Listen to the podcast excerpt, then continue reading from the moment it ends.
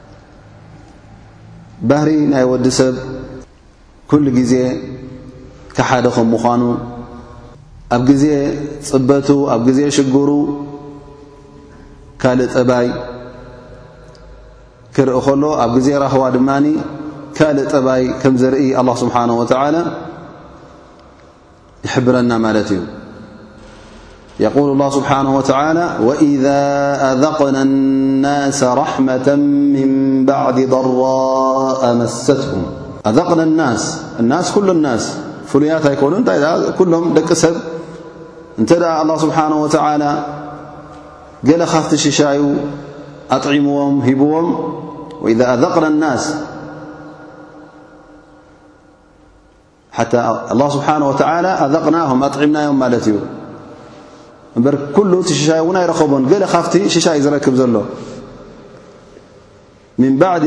ضራء መሰትሁም ኣብ ግዜ ፅንኩር ግዜ ነይሩ ካብ ሕማቕ ፅንኩር ኩነታት ኣብ ራህዋን ፍስሃን ዘለዎ ኩነት ካብ ደርቂ ናብ ኣዝመራ ናብ ለምለም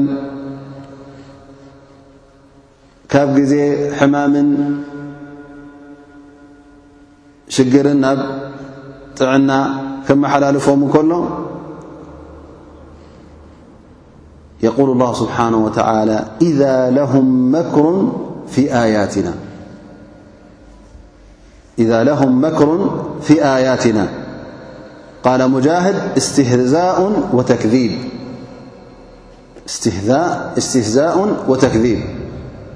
ነቲ ኣላ ስብሓን ወተዓላ ዘውረዶ ሓቅን ኣያታትን ዓንቀፃትን እንታይ ክገብርዎ ይርከቡ ክነፅግዎ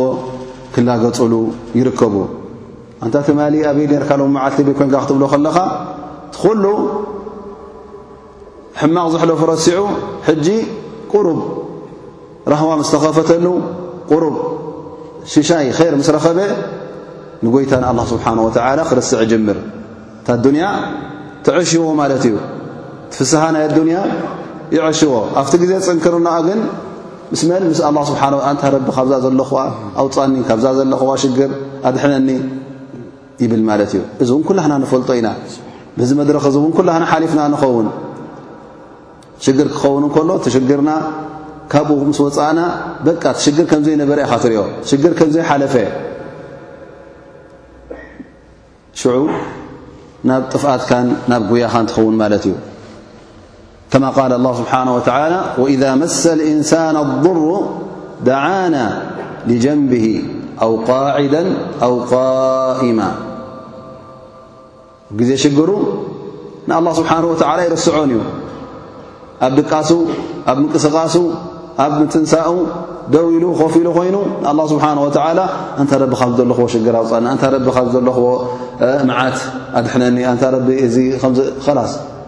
ኣብ ሰላት ኮይኑ ገለ ኮይኑ ሕጂ ዱዓ የብዝሕ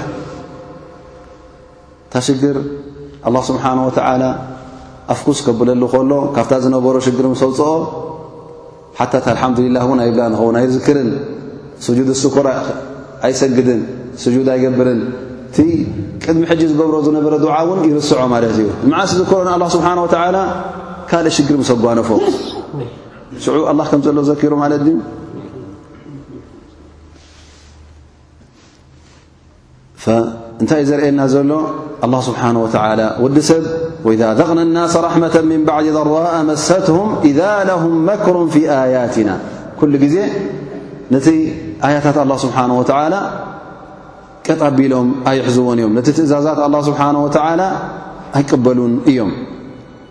في الصحيح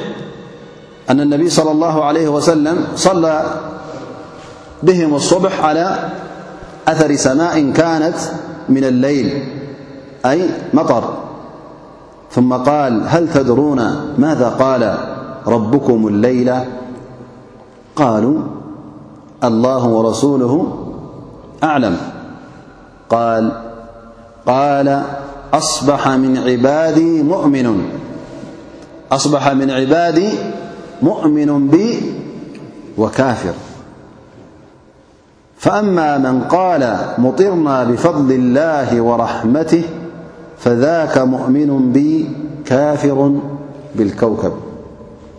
فوأما من قال مطرنا بنوء كذا وكذا فذاك كافر ب مؤمن بالكوكبانب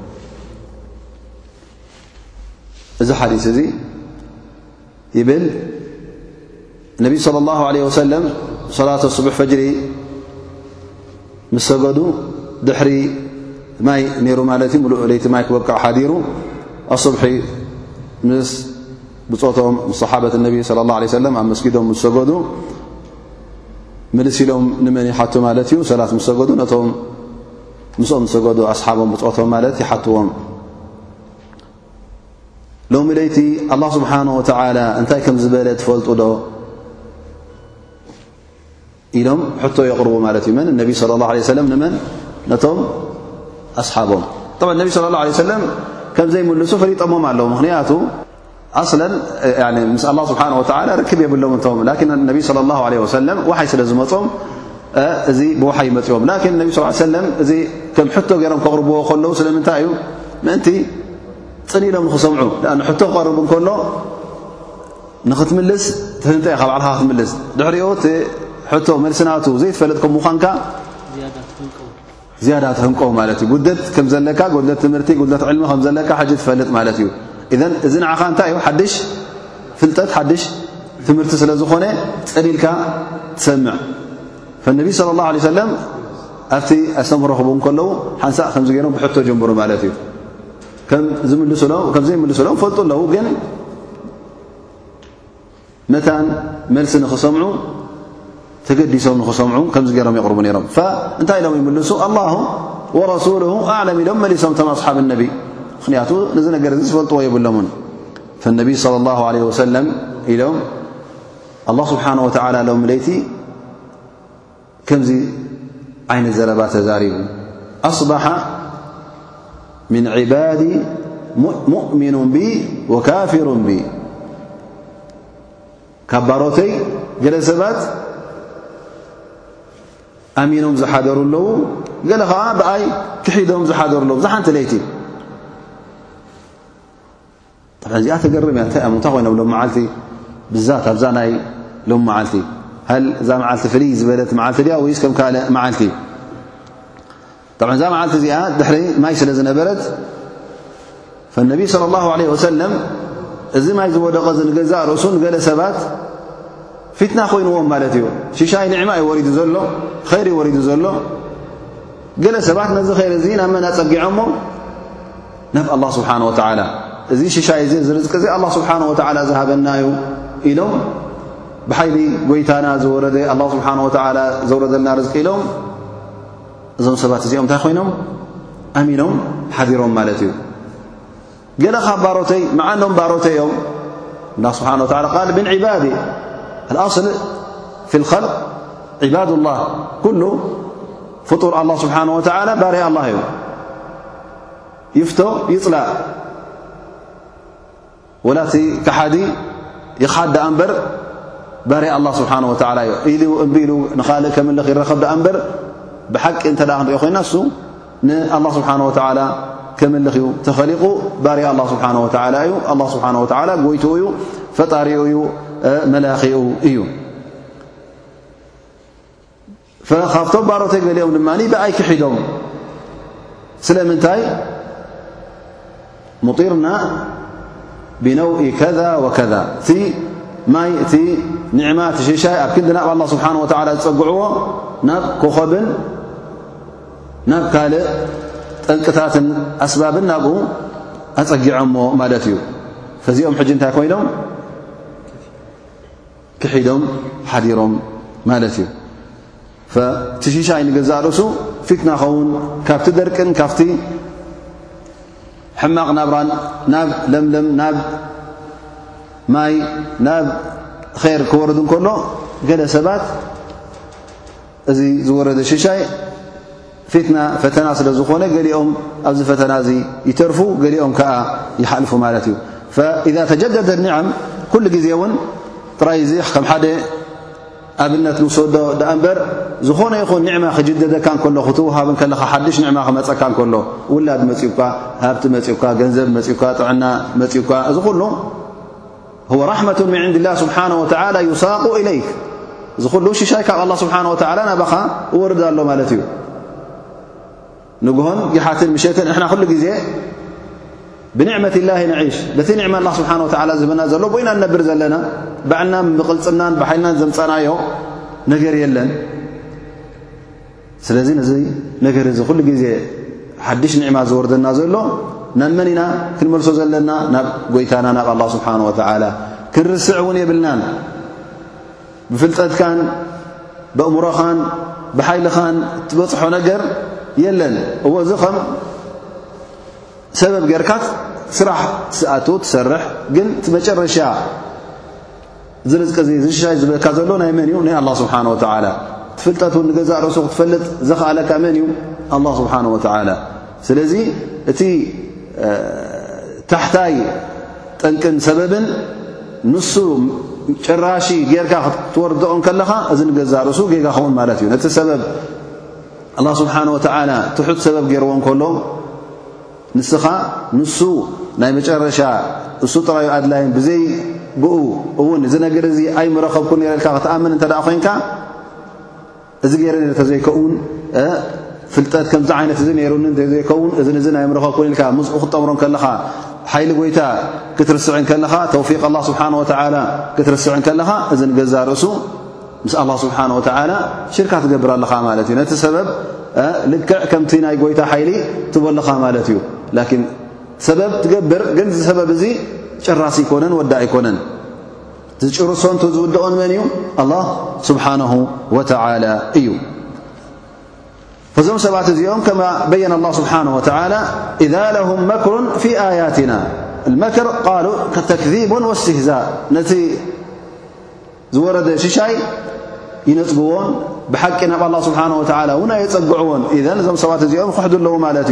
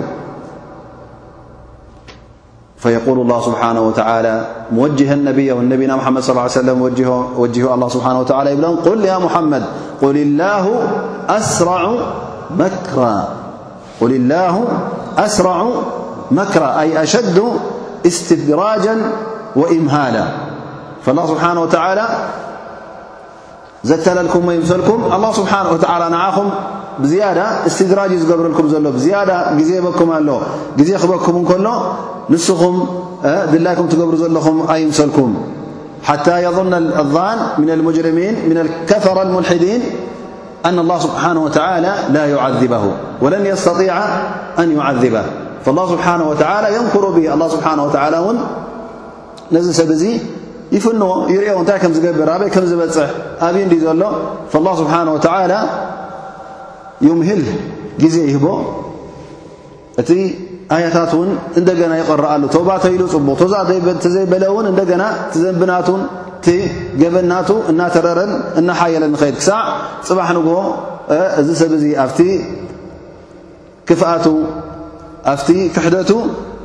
ኣላ ስብሓን ወተዓላ ክቐፅዓኒ ይክእልን እዩ ኣበይ ዘሎ ኣላ ስብሓን ወተዓላ ክብል እጀምር ማለት ትኽሕደቱ እናገፍሐን ናብ ትረረን እናኸፈአን ይኸይድ ማለት እዩ ላኪን ኣላ ስብሓን ወተዓላ ዩምሂል ወላ ዩህሚል ገዲፍዎ ማለት ኣይኮነን ረሲዕዎ ማለት ኣይኮነን ግን ኣላ ስብሓን ወተዓላ ግዜ ይህቦ ሓታ ይእኹዘሁ ዓላ ራ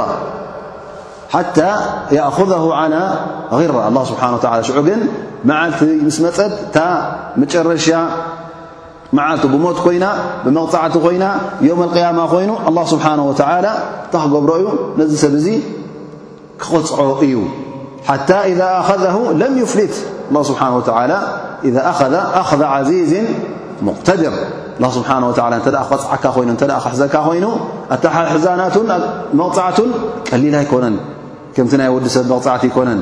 መቕፃዕቱ መቕፃዕቲ ፈጣሪ እዩ መቕፃዕቲ ፍጡር ኣይኮነን ሓያል መቕፃዕቲ እዩ ዝቐፅዕ ናቱ ዝመስል ኣቀፃፅዓ እውን የለን ላ ዩዓذቡ ዓዛበሁ ኣሓድ ወላ ዩውثቁ ወሳቀሁ ኣሓድ ስለዚ ክብሪ ኣላ ስብሓን ወተዓላ ሓይሊ ኣላ ስብሓን ወተዓላ እንተ ደኣ ተረዲእናያ ኩሉ ግዜ እውን ኣብ ልብና ሓዲሩ ኩሉ ግዜ እውን ኣብ ኣእምሮና ተሰቒሩ ንኣላ ስብሓን ወተዓላ ካብቲ ዝበለና ፈልከት ኢልና ክንወፅእ እውን ኣይምኽኣልና ርና ኣይምደለናን ነርና ግን እዚ ነገር እዚ ክብሪ ኣላ ስብሓን ወተዓላ ክሳዕ ክንደይ ክቡር ከም ምዃኑ ሓያል ከም ምዃኑ ልኡል ከም ምዃኑ ስለ ንርስዕ ንኣላ ስብሓን ወተዓላ ካብቲ ትእዛዙ ክንወፅእ ንርከብ። ቁል ላሁ ኣስራዑ መክራ እነ ሩሱለና የክትቡነ ማ ተምኩሩን ላ ስብሓን ወተላ ይብል ኩሉ እቲ ትብልዎ ዘለኹም እቲ ትኽሕድዎ ዘለኹም እውን ኣላ ስብሓን ወተዓላ በቶም ልኡኻቱ በቶም መላእካ ገይሩ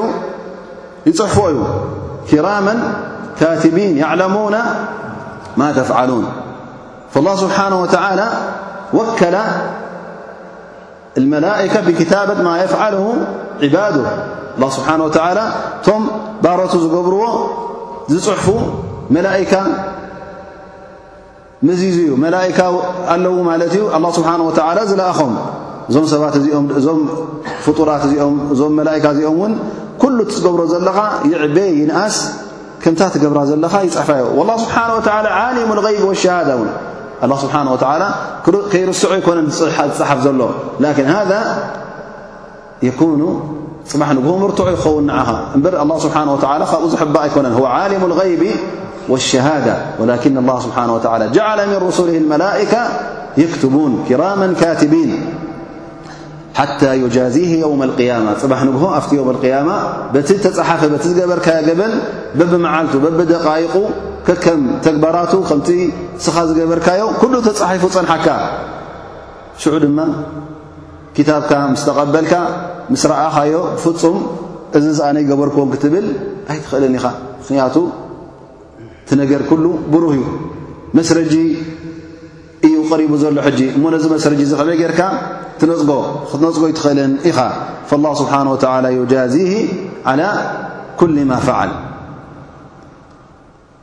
እዚ ጠባይ እዚ እዚ ባህሪ እዚ ክንጥንቀቕ ኣለና። ነዚ ባህሪ እዚ እውን ኣባና ንኸይርከብ ኩሉ ግዜ ነፍስና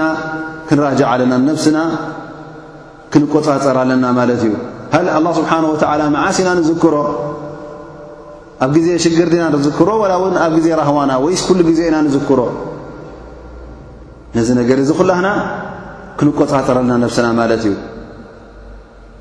ሽሻይ ተረኺቡ ሃብቲ ተረኺቡ ገንዘብ ተረኺቡ ድዒልካ ከምድላይካ ትጎይ ከምድላይካ ትዘልል ንእሽተይ ሕማም ዝተረኸበት ሽዑ የኣላ የኣላ ክትብል ትጅምር እዚ ጠባይ እዚ ኣላ ስብሓን ወተላ ጌጋ ከም ምኳኑ እነ እዚ ይሕብረና ኣሎ ማለት እዩ ወኢዛ ኣዘቕና ናሰ ራሕመተን ምን ባዕዲ ضራኣ መሰትም ኢዛ ለሁም መክሩን ፊ ኣያትና ثم يبين الله سبحانه وتعالى بشكل أوضح بزيادةن نر ون يبره له الله سبحانه وتعالى يقول هو الذي يسيركم في البر والبحر الله سبحانه وتعالى نسخ ኣብ መሬት ይኹን ኣብ ባሕሪ ይኹን ኣላ ስብሓን ወተላ ንስኡ ዝሕልወኩም ንስኡ ዝሓፍዘኩም ንስኡ ዝከላኸለልኩም ብዘይናቱ ሓለዋ እውን ኣይትንቀሳቐሱን ኢኹም ዛርሕኩም መን ዝሓፍዛ ኣላ ስብሓን ወተላ ኩሉ ምንቅስቓሳትና ኣብ መሬት ኮይኑ ኣብ ባሕሪ ኮይኑ ኣብ ሰማይ ኮይኑ ኣብ ሃዋህው እውን ሕጂ እውን ሰብ ይንቀሳቐስ ኣሎ ማለት እዩ እዚ ኩሉ ትንቀሳቐስ ከለኻ ኣበይ ኻ ትንቀሳቐስ ዘለኻ ኣብቲ ኣላ ስብሓን ወተዓላ ዝኸለቆ ቦታ ኢኻ ዘለኻ ማለት እዩ ካብቲ ምልክናቱ ካብቲ ንግስነቱ ኣይወፃእካን ስለዚ ብሓይሊ ኣላ ስብሓን ወተዓላ ኢኻ ላዕልን ታሕትን ትብል ዘለኻ ከም ድላይካ ትንቀሳቐስ ዘለኻ ثመ ይበይኑ ላ ስብሓን ወተዓላ ገለ ሰባት ኣብዚ ምልኪ ናይ ኣላ ስብሓን ወተዓላ እናተንቀሳቐሱ ከለዉ እንታይ ከም ዝገብሩ የል ሓታ ኢዛ ኩንቱም ፊ ልፍልክ ወጀረይና ብህም ብሪሕን طይባ ልፍልክ ማለት መራክብ ማለት እዩ ኣብ መራክብ ኮንኩም ከም ድላይኩም ትሰሩ ትስቀሉ ተወጢሕኩም እሞ ኸዓ እዚ መራክብ እዚ ኣብ ባሕሪ እናተንቀሳቐሰ ከሎ ጥዑም ንፋስ ነቲ ባሕሪ ህቦብላ ዘይብሉ ምዕበል ማዕበል ዘይብሉ ክኸውን እንከሎ ሽዑ እንታይ ኢኹም ትኾኑ ብሓጎስ ትጓዓዙ ወጀረይና ብህም ብሪሕ طይበት ወፈሪሑ ብሃ ሽዑ ፅቡቕ ንፋስ ኣሎ ፅቡቕ ኩነታት ኣሎ ኢልካ ሽዑ ይሐጎስ ወዲ ሰብ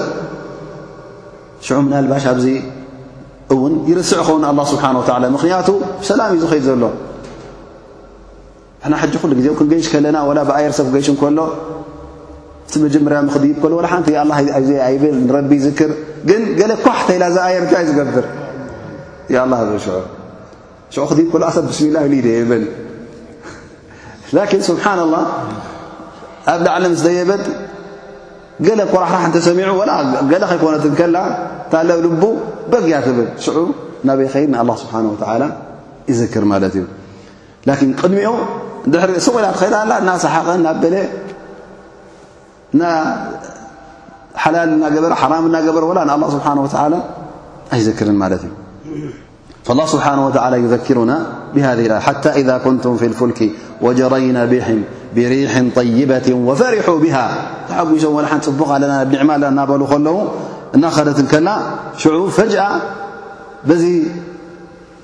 መፅዩ ዘይተባህለ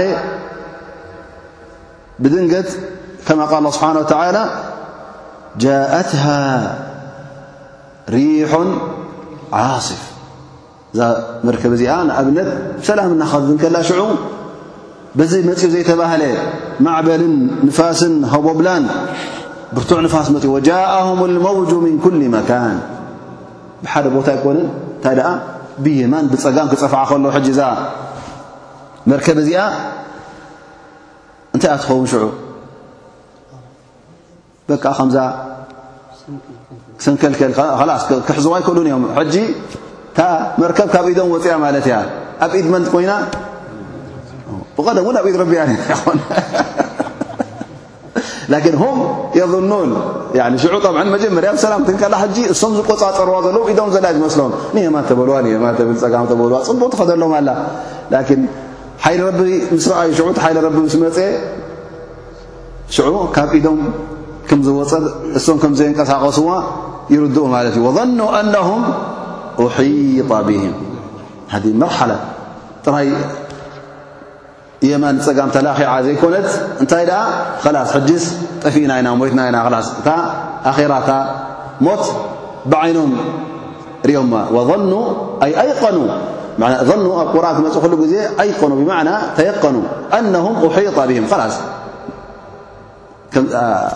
ተኸቢብና ዝብሉ ካ ከ ሒጠ ብ ምን ሓጣ ብና ላስ ብኩሉ ወገናቶም ምውፅእ የለን ማለት እዩ የማን ተበልካ መውፅእ የለን ፀጋ በልካ ላዕሊ ሰማይ ታሕቲ ማይ ስለዚ ኣብዚ ምስ በፅሑ ኣብዚ መድረኽ እዚ እንታይ እዮም ዝገብሩ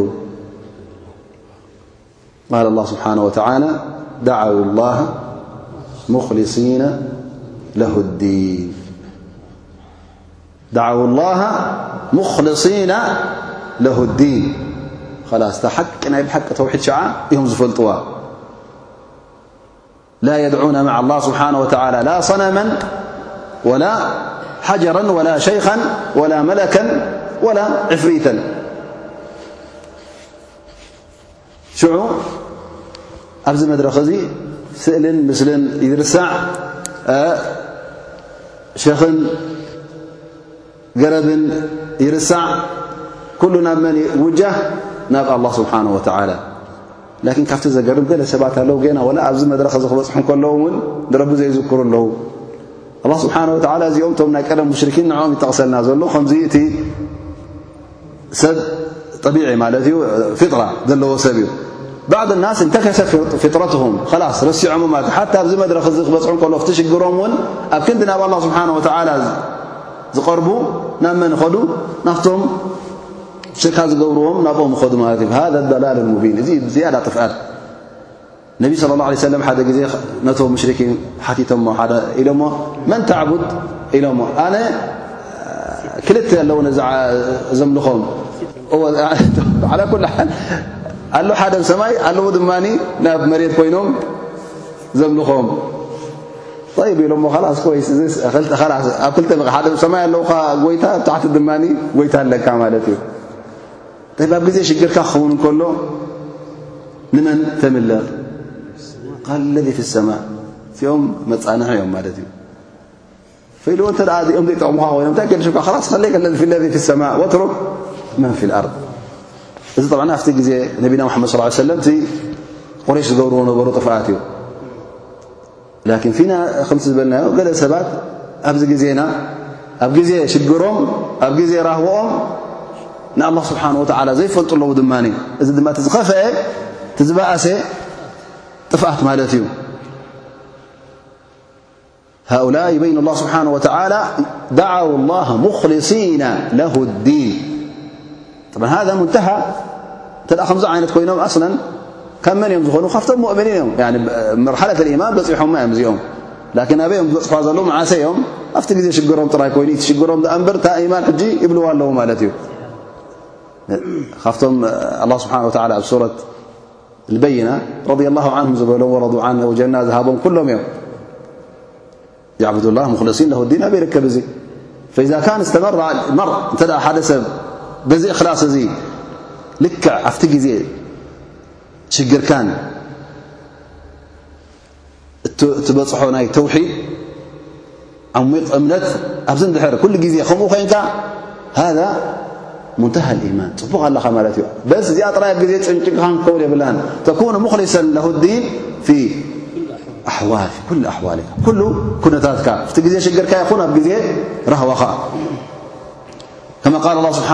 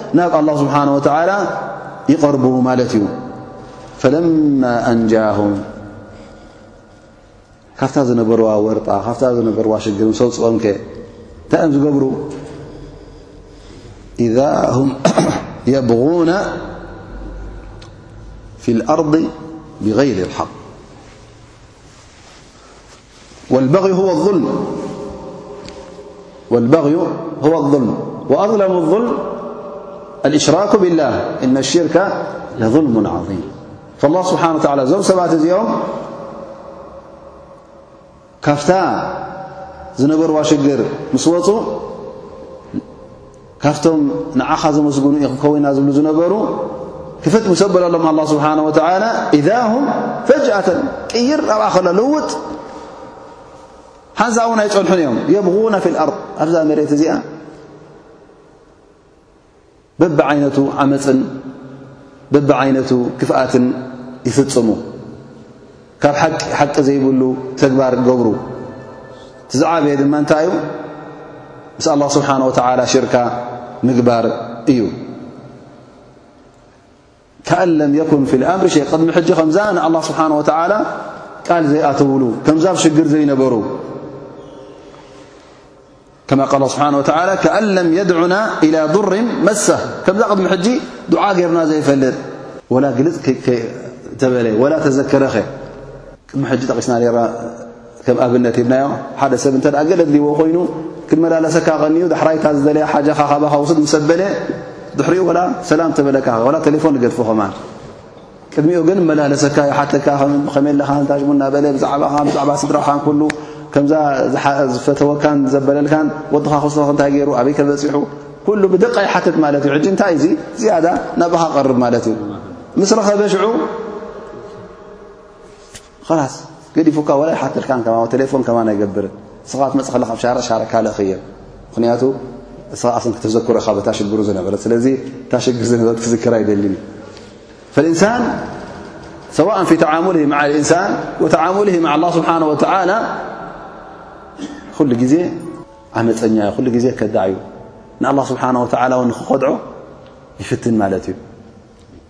ኣላህ ስብሓን ወተዓላ ኣንታ ጎይታይ ከምስግነካ እያ እንታይ ከምዚኣ ግበርሊ እዛ ሽግር ትረኽቦ ከላ ቁጥ ቃል ይኣቱ ይምሕል ይጥሕል ምስ ኣላ ስብሓን ወተዓላ ኣላ ስብሓን ወተዓላ እታ ኼርካ ሻይ ምስ ሃቦ ድማ ንኣላ ስብሓን ወተዓላ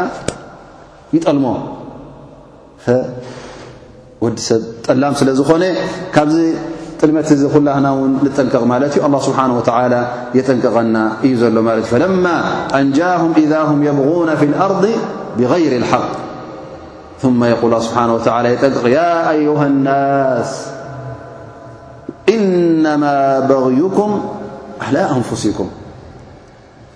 እዚ ዝገበርኩምዎ ሃል ንጎይታ ዝጎዳእኩም ይመሲልኩም እወ ቃል ኣቲኹምሉ ንጎይታኹም ግን ቃልኩም ኣየኽበርኩምን ቃልኩም ኣየኽበርኩምን ውዕልኩም ጠሊምኩም እሞ እዚ ጥልመት እዚ እዚ ክፍኣት እዚ ንጎይታ ዝጎዳእኩም ዩ መሲልኩም ወይ ንኻልእ ሰብ ዝጎዳእኩም ዩ መሲልኩም ኣይኮነን እቶም ደቂ ሰብ ብሰብ ነፍስኹም ኢኹም ትገድኡ ዘለኹም ኢነማ በቕዩኩም ዓላ ኣንፍሲኩም ውፅኢት ናይዚ ዝገበርኩምሞ ጥልመት ፅባሕ ንግሆ ኣብ ዝባንኩም እዩ መቕፃዕቱን ኣብ ዝባንኩም እዩ نفسخم دأكم دنبر تدዎ خل سب يلن والله سبحانه وتعالى كمزأمثل سب ون أب الدنيا كل مجمر قعي أب رأسኡ ون ني آخرة مقطعت الዎ كما جاء في الحديث ما من ذنب أجدر أن يعدل الله عقوبته في الدنيا مع ما يدخر لصاحبه في الآخرة من البغي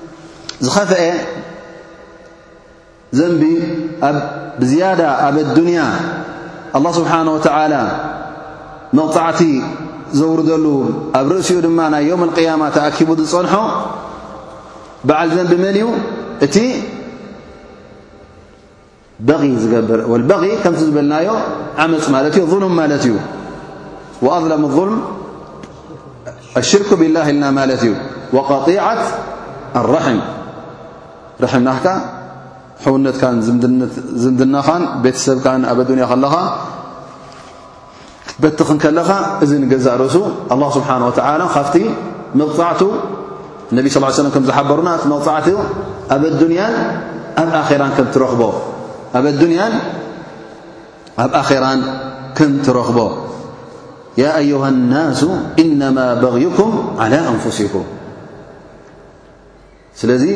ተጎዲእካ ነብስኻ እኻ ትጎድእ ዘለኻ እሞ ነብስኻ ነጻ በላ ኣብ ጉድኣት ኣይተውድቃ ተጠንቀቕ ኣይትጋገ እነማ በغይኩም ዓላى ኣንፍሲኩም መታዕ ሓያት ኣዱንያ እንታይ እዩ ረሲዕኩም እንታይ እዩ ኣታሊልኩም እዛ ኣዱንያ እያ ታያትኩም መታዕ ናታ ደስታ ናታ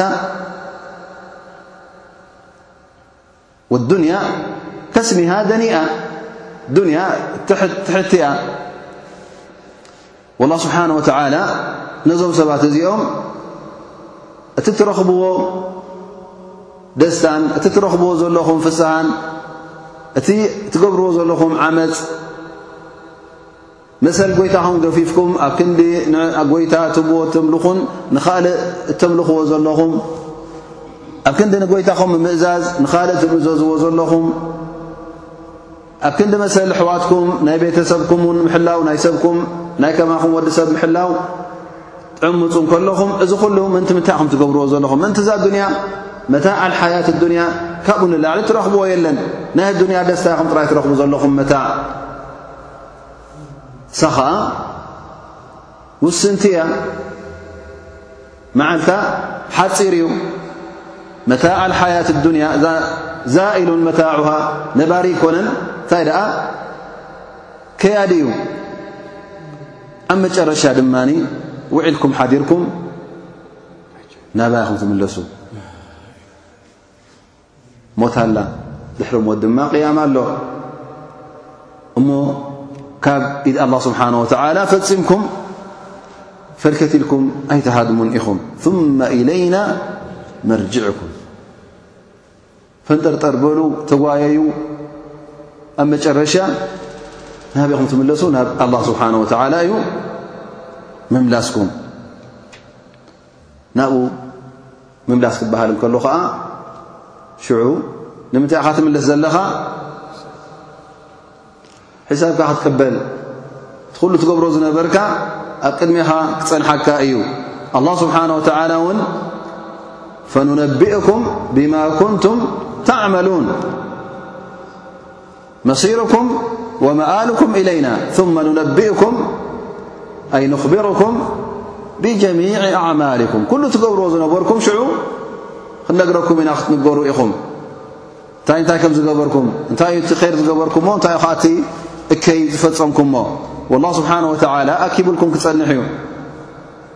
فمن وجد خيرا سعة ير ن رب فليحمد الله الله سبحنه وتعالى نخير سل ዝوفق يታ يمسግن وأما من وجد غير ذلك فلا يلومن إلا نفسه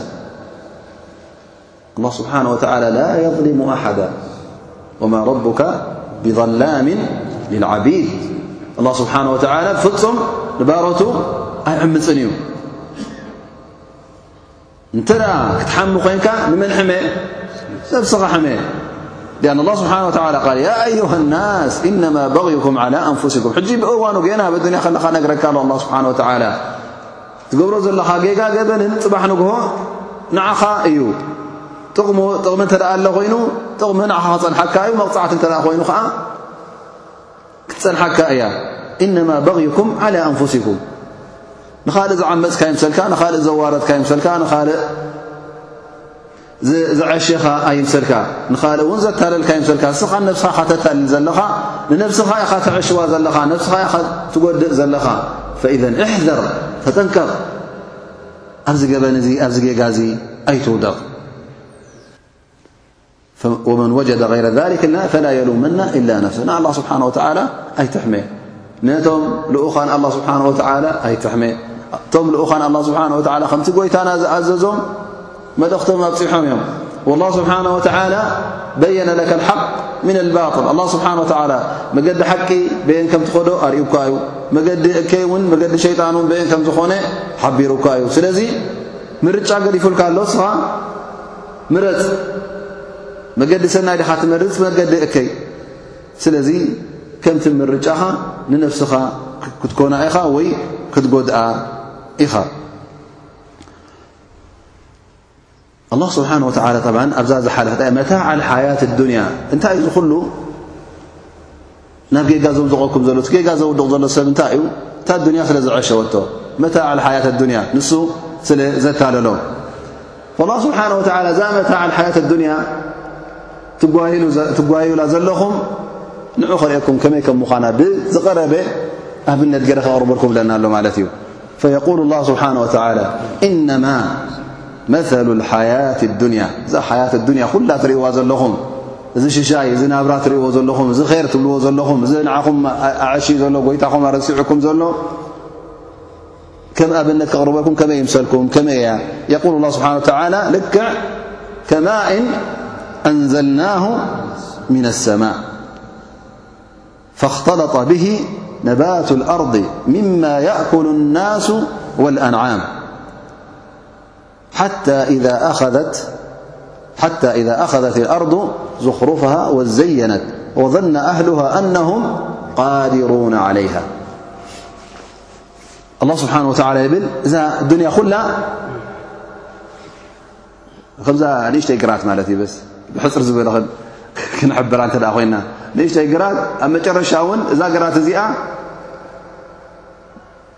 ምስ ሸወተት ምስ ዓንበበት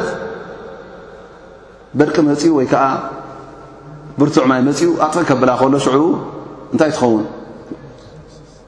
ከምዛ ዘይነበረት ፈዱንያ ከምኣያ ፅብቕቲ ኣዝመራ ትሪያ ከምኡ ገራ ትዕሽወካ ላኪን መጨረሻ የውመንማ ክመፅእ እዩ እዛ ዱንያ እዚኣ ከምዛ ዘይነበረት ክትከውን እያ ሃል ተደሲትካላ እዛ ዱንያ ተበሉካ ሽዑ እንታይ ክትብል ኢኻ ወላ ምን ኣሕሰን መታዕ ኣዱንያ ተመቲዕካ ኢልካ ተኮንካ ሓንቲ ይርኣናላ እንታይ ርኢና ኣላ ትብል ኩላና ሓጂ ተሓተትናኩም እዛ ዱንያ እዚኣ እንታይ ረኪብካላ ተብልካ ዝሓለፈ ኩሉ ወላ ፀብፀባ ኣይትእርኾና ሕጂ ናበኻ ትርኢ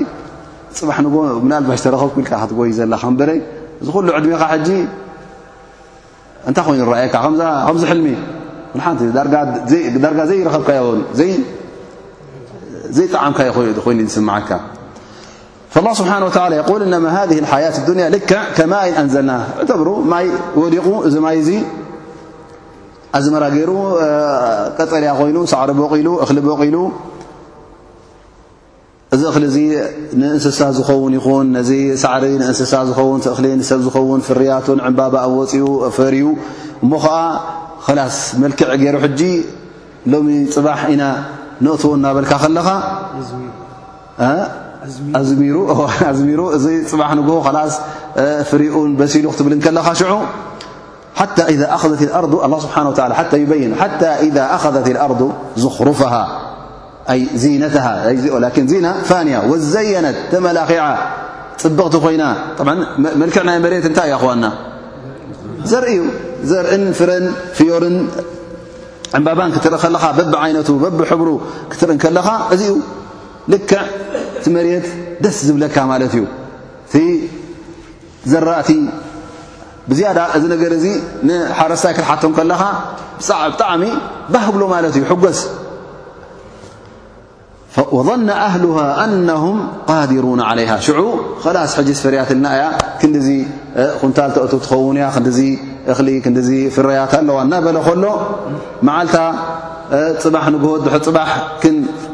ቅንጥባ ኢና ክንዓጽድ ኢና እናበሉ ከለዉ ኣላ ስብሓን ወተዓላ ነዛ መሬት እዚኣ ነዛ ተዘሪኣ ዘላ ነዛ ጽብቕቲ ብሓንቲ ደቂቕ ብሓንቲ ሰዓት ብገለ ከም ገለ ገይሩ ወይ ብርቱዕ ቁርን ዛሕልን መጺኡ ወይ ከዓ በርቂ ልኢኹ ወይ እውን ብዝኾነ ይኹን ዓይነት ብክእለቱ ገይሩ ኣንበጣ ዝኾነ ፈልጡ ናይ ማሕረስ ዘለዎ ዝያዳ ፈልጥ እቲ መሻክል ሽግራት እዙ ብሓንቲ መዓልቲ ወይከዓ ብሓንቲ ለይቲ ከም ዝስእና ፈልጥ እዩ ምስ ፈረየት ምናዳ ድሕር ብርቱዕ ማይ ወቂዕዎ እቲ ኩሉ እቲ ዝፈረየ ሓሸምሸም ይብል ላስ ትኣሪ ትኽእል ኣብቲ ጭቃ መለስ ሽዑ ማይ ኣብ ክንዲ ር ዝኸውን ሽር ዝኸውን ማለት እዩ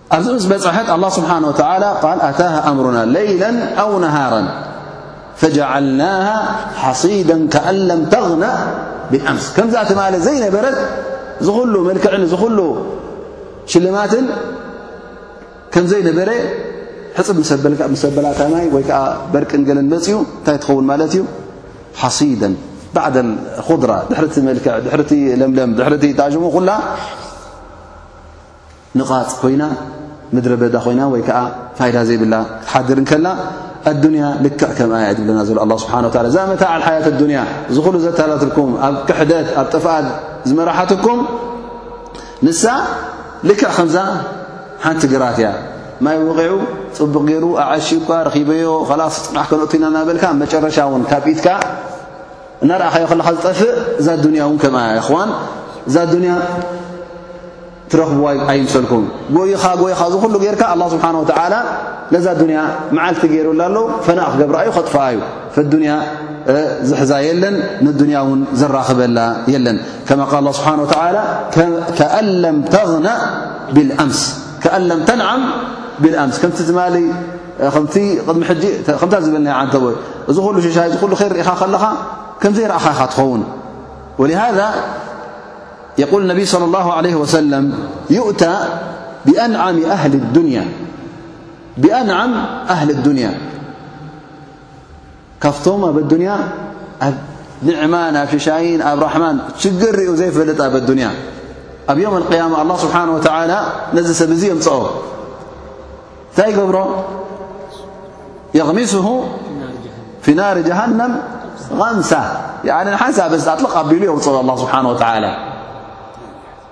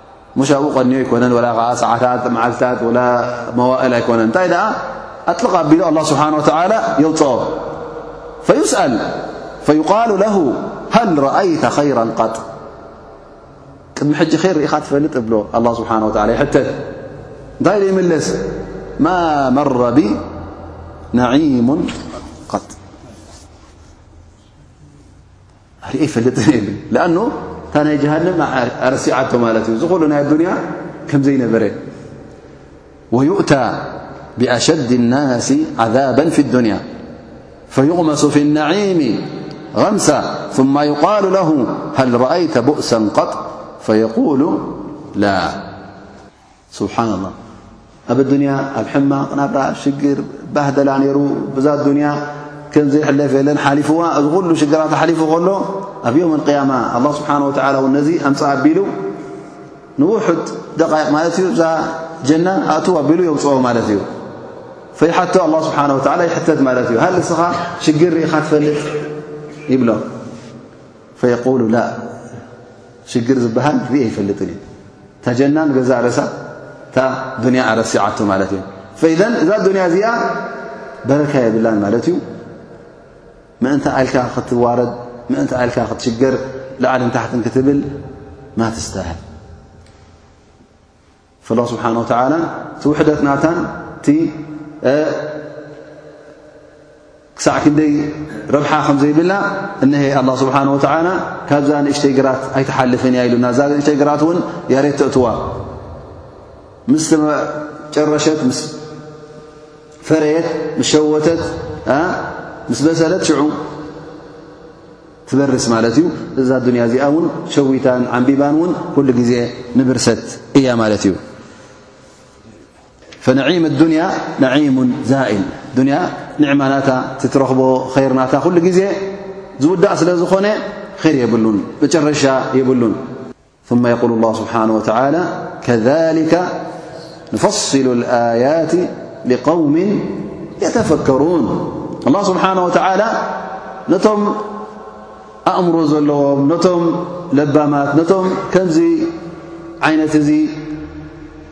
ምስላ ተዋሂቦም፣ ኣብነት ተዋሂቦም ዝርድኡ ሰባት ንዕኦም ከምዚ ጌርና ንትንትነሎም እነሀ እሶም ምእንቲ መገዲ ሓቂ ንኽመርፁ ከሊከ ንፈሲሉ ኣያት ኣላ ስብሓን ወተዓላ እውን ንባረቱ እነሀ እቲ ሓቂ እንታይ ከም ምዃኑ ከምዚ ገይሩ የብርሃሎም ሑጀጁን ወበራሂን መርትዖታት እናቕረበ ብኣብነት ገይሩ ብምስላ ገይሩ ብኻልእ ዓይነት ገይሩ እውን ኣላ ስብሓን ወተዓላ ምእንቲ ንኽትርዳእ ሊቀውሚ የተፈከሩን ላኪን ሁናከ መን ለም የተፈከር ገለ ሰባት ግን እዚ እእምሮ ኣላ ስብሓን ወተዓላ ሂብዎ ከሎ ዘይጥቀመሉ ኣሎ እተ ትጥቀመሉ ኮንካ ግን ትሓስብ እንተ ኮንካ እዚ መሰል ኣላ ስብሓን ወተዓላ ኣብነት ሂቡካ ዘሎ ብዛዕባ ናይ ኣዱንያ ከመይ ገይራ ክትጠፍእ ከም ምዃና እቲ ኣብነት ናታ ወይ ከዓ ኣመሳስላ ናታ ልክዕ ከም ዘራእቲ ከም ሓደ ማሕረስ ከም ምዃና ከም ሓንቲ ግራት ከም ምዃና እዝን እዝን ከምዚ ገይሩ ኣረዲኡካ ከሎ እንታይ ክትገብር እዩ ዘለካ ካብ ኣዱንያ ክትርሕቕ ኣለካ ንኣዱንያ ዘድሕሪኣ እውን ክትጎይ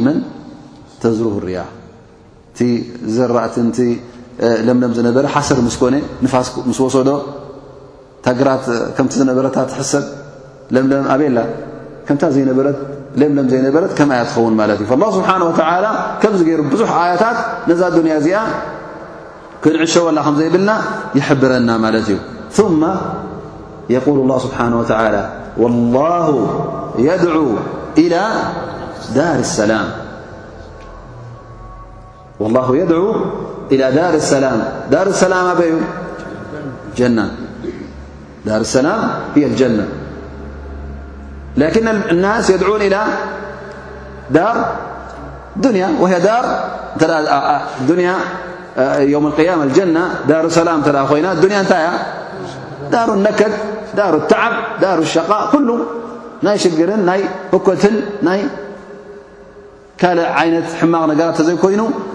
ኣላ ስብሓን ወተዓላ ነዛ ጀና ክወስፋ እንከሎ ክገልፃ እንከሎ እንታይ ኢሉ ዳር ሰላም ወላሁ የድዑ ኢላ ዳር ሰላም እታ ኣዱንያ ብቕልጡፍ ጠፋኢት ተኣኼራ ግን በይና እያ ሰላም ዝዓሰላ ላ ስብሓን ወተዓላ ናብዛ ጀና እዚኣ ጀነቱ ሰላም ዳሩ ሰላም ተባህለት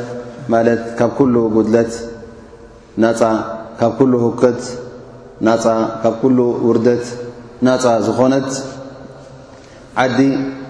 ኣላ ስብሓን ወተላ ናብኣ እዩ ንዓኣ ይፅውዓና ዘሎ ናብኣ ንኽነብር ንሕና ኸዓ በንፃሩ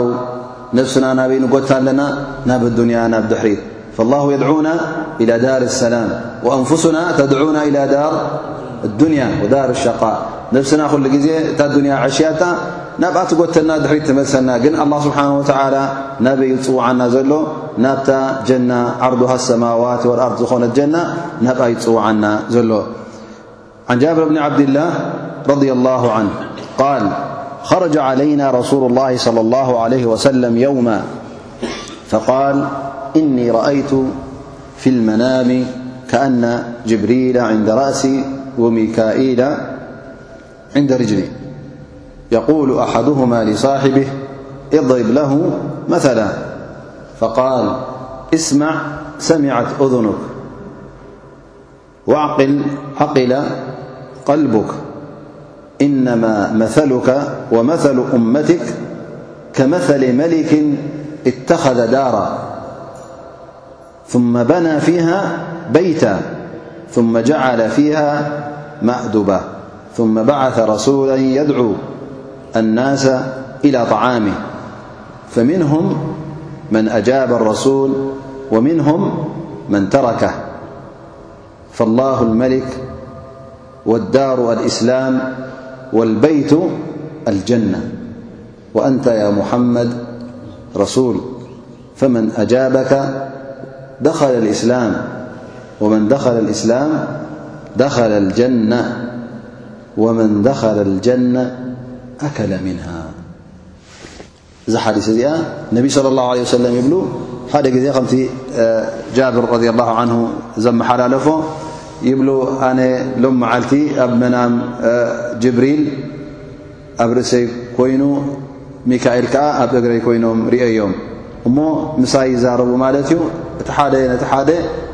እድሪብ ለሁ መለ ኣብነት ወይ ከዓ ምስላ ተመሳሳሊ ነገር ጌርካ ኣብርሃሉ እቲ ጉዳይ ኢሉ ይዛረቦ ይብለኒ ይብል እስማዕ ሰሚዐት እዝኑ ስማዕ እዝንኻ ሰማዒ ትግበራ ተረዳ ኣእምሮኻ ኣላ ስብሓን ወተላ ቀልብኻ ድማ ተረዳኣ ይግበሮ ንስኻን እቶም ህዝብኻን እማናህካን ልክዕ ከም ሓደ ንጉስ እዚ ንጉስ እዚ ዓብዪ ገንቢ ገይሩ ኣብዚ ገንቢ እዚ ቤት ገዛ ነዲቑ እሞ ኸዓ ልኡኽ ልኢኹ ምእንቲ ምንታይ ሰብ ስለ ዝዓደመ ማእዱባ ገይሩ ዕድመ ገይሩ ንሰብ ስለ ዝዓደመ ልኡኽ ልኢኹ ምእንቲ እዞም ሰባት እዚኦም ኣብዚ መግቢ እዚ ኣብዚ መኣዲ እዚ ንክካፈሉ ኣብዚ መዓልቲ ፈሚንሁም መን ኣጃብ ገለ ካብኣቶም ነቲ ልኡኽ ሕራይ ኢሎም ሰሚዖም ዝመፁ ኣለዉ ገሊኦም ከዓ ኣብዮም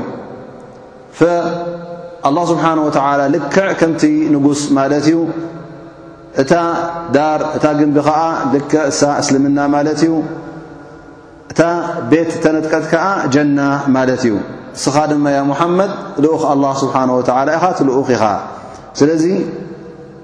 ልኡኽካ ተቐበለ ንእስልምና ኣትዩ ማለት እዩ እስልምና ዝኣተዎ ኸዓ ንጀና ኣትዩ ኸዓ ማለት እዩ ጀና ዝኣተዎ ድማ ካብኣ ክበልዕ እዩ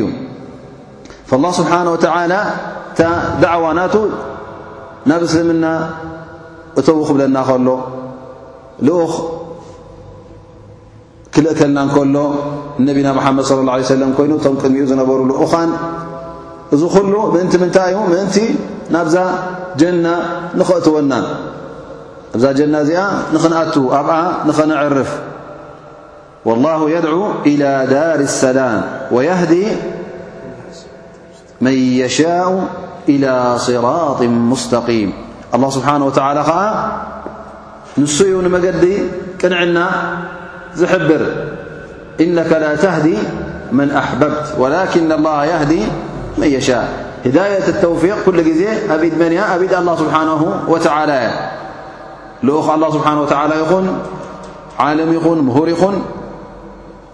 እንታይ እታ ናቱ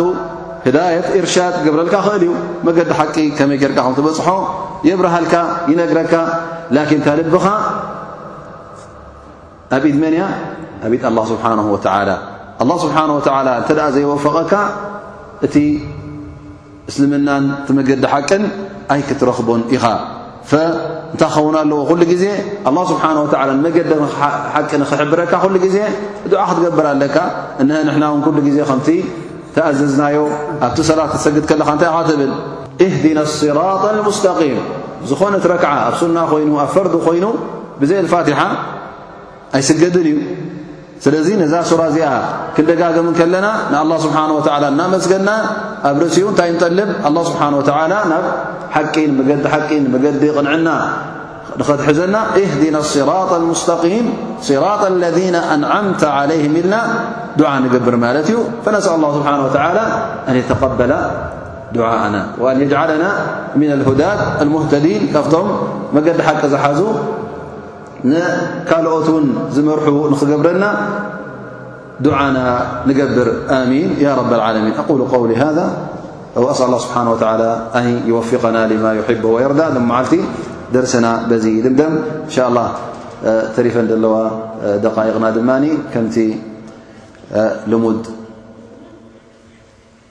ደርፍና እንተ ገለ ገለ ዝሓዝናይ ፋይዳ እተ ኣሎ ኮይኑ ነቲ ፋይዳ ንገድፎ ማለት እንሻ ላ ተሳተፉና ድማ እንሻ ላ ንዕድም እታ ቐንዲ ነጥቢ ዝሓዝና የብል ሎም መዓልቲ ትወዲ ሰብ ኩሉ ግዜ ረሳዓ ከም ምኳኑ ኣብ ግዜ ሽግር እውን ኣብ ግዜ ራህውኡን እተፈላለየ ጠባይን ባህርን ከም ዘለዎ ኣብቲ ፈራሕ ረቢ ክኸውን ከሎ ኣብቲ ድማ ንጎይታ ይርስዕ ላኪን ከምቲ ግቡእ እዚ ሰብ እዚ እንታይ ክኸውን እዩ ዘለዎ ኩሉ ግዜ ኣብ ግዜ ሽግሩን ኣብ ግዜ ራህውኡን ሲ ንኣላ ስብሓን ወተዓላ ክርስዕ የብሉን ንዕኡ ጥራይ ክዝክር ኣለዎ ንሱ ስለ ዝኾነ ጎይታኡ ስለ ዝኸለቆ እዚ ድማ ኣብ ብዙሕ መዳያታ ወይ ከዓ ኣብቲ ታሪክ እንተ ርእና ኣብቶም ዝሓለፉ ኣንብያ እውን እንተ ርእና ቅሰት ሰይድና ሙሳ ምስ ፍርዖን ወይ ከዓ ናይ ዩኑስ ምስ ቆሙ እውን እዚ ነገር እዚ እንሻ ላ ኣብቲ ድመፅ ዘሎ ብዝያዳ ክበርሃልና እዩ ግን እዚ ሓድሽ ነገር ኣይኮነን እዚ ባህር እዚ ናይ ቀደም ዝነበረ እዩ ሕጂ እውን ቐፃሊ ኣሎ ማለት እዩ ስለዚ ኣላ ስብሓን ወተዓላ ምእንቲ ኸይንጋገ ንዓና ፈውሲ ዝበና ዘሎ እቲ ዝነበረን እቲ ዝተጋገይዎን ቅድሜና ዝነበሩ ንዕኡ ተዓዚብና ንሕና ኣብዚ ከም ዝኣመሰለ ጌጋ ንኸይንወድቕ ሓበሬታ ህበና ኣሎ ማለት እዩ ስለዚ ነብስና ንፈውስ ነብስና ንከናኸን እዩ ዝብል ዘሎ እንሻ ላ እዚኣ ብሕፅር ዝብል ን ባረከላ ፊክ ወዲ ሰብ ማህማ ረሲዑ ማህማ ዱንያ ዕሽያቶ ገለ ኣብ መጨረሻስ ፈትዩ ፀሊኡ ናብ ኣላ ስብሓን ወተዓላ ክምለስ ከም ዘለዎ ክርስዕ የብሉን እንተ ደኣ እዚኣ ኩሉ ግዜ እውን ኣብ እዝኑ ሰቂርዋ እንሻ ላ ኣይክርስዕን እዩ ኣኑ ኣላ ስብሓን ወተዓላ እንታይ እዩ ዘዘኻኽርና ዘሎ ኩሉ ግዜስ ሕሳብ ከም ዘሎ ምቁፅፃር ከም ዘሎ ዮም ልቅያማ ከም ዘሎ እንተ ደኣ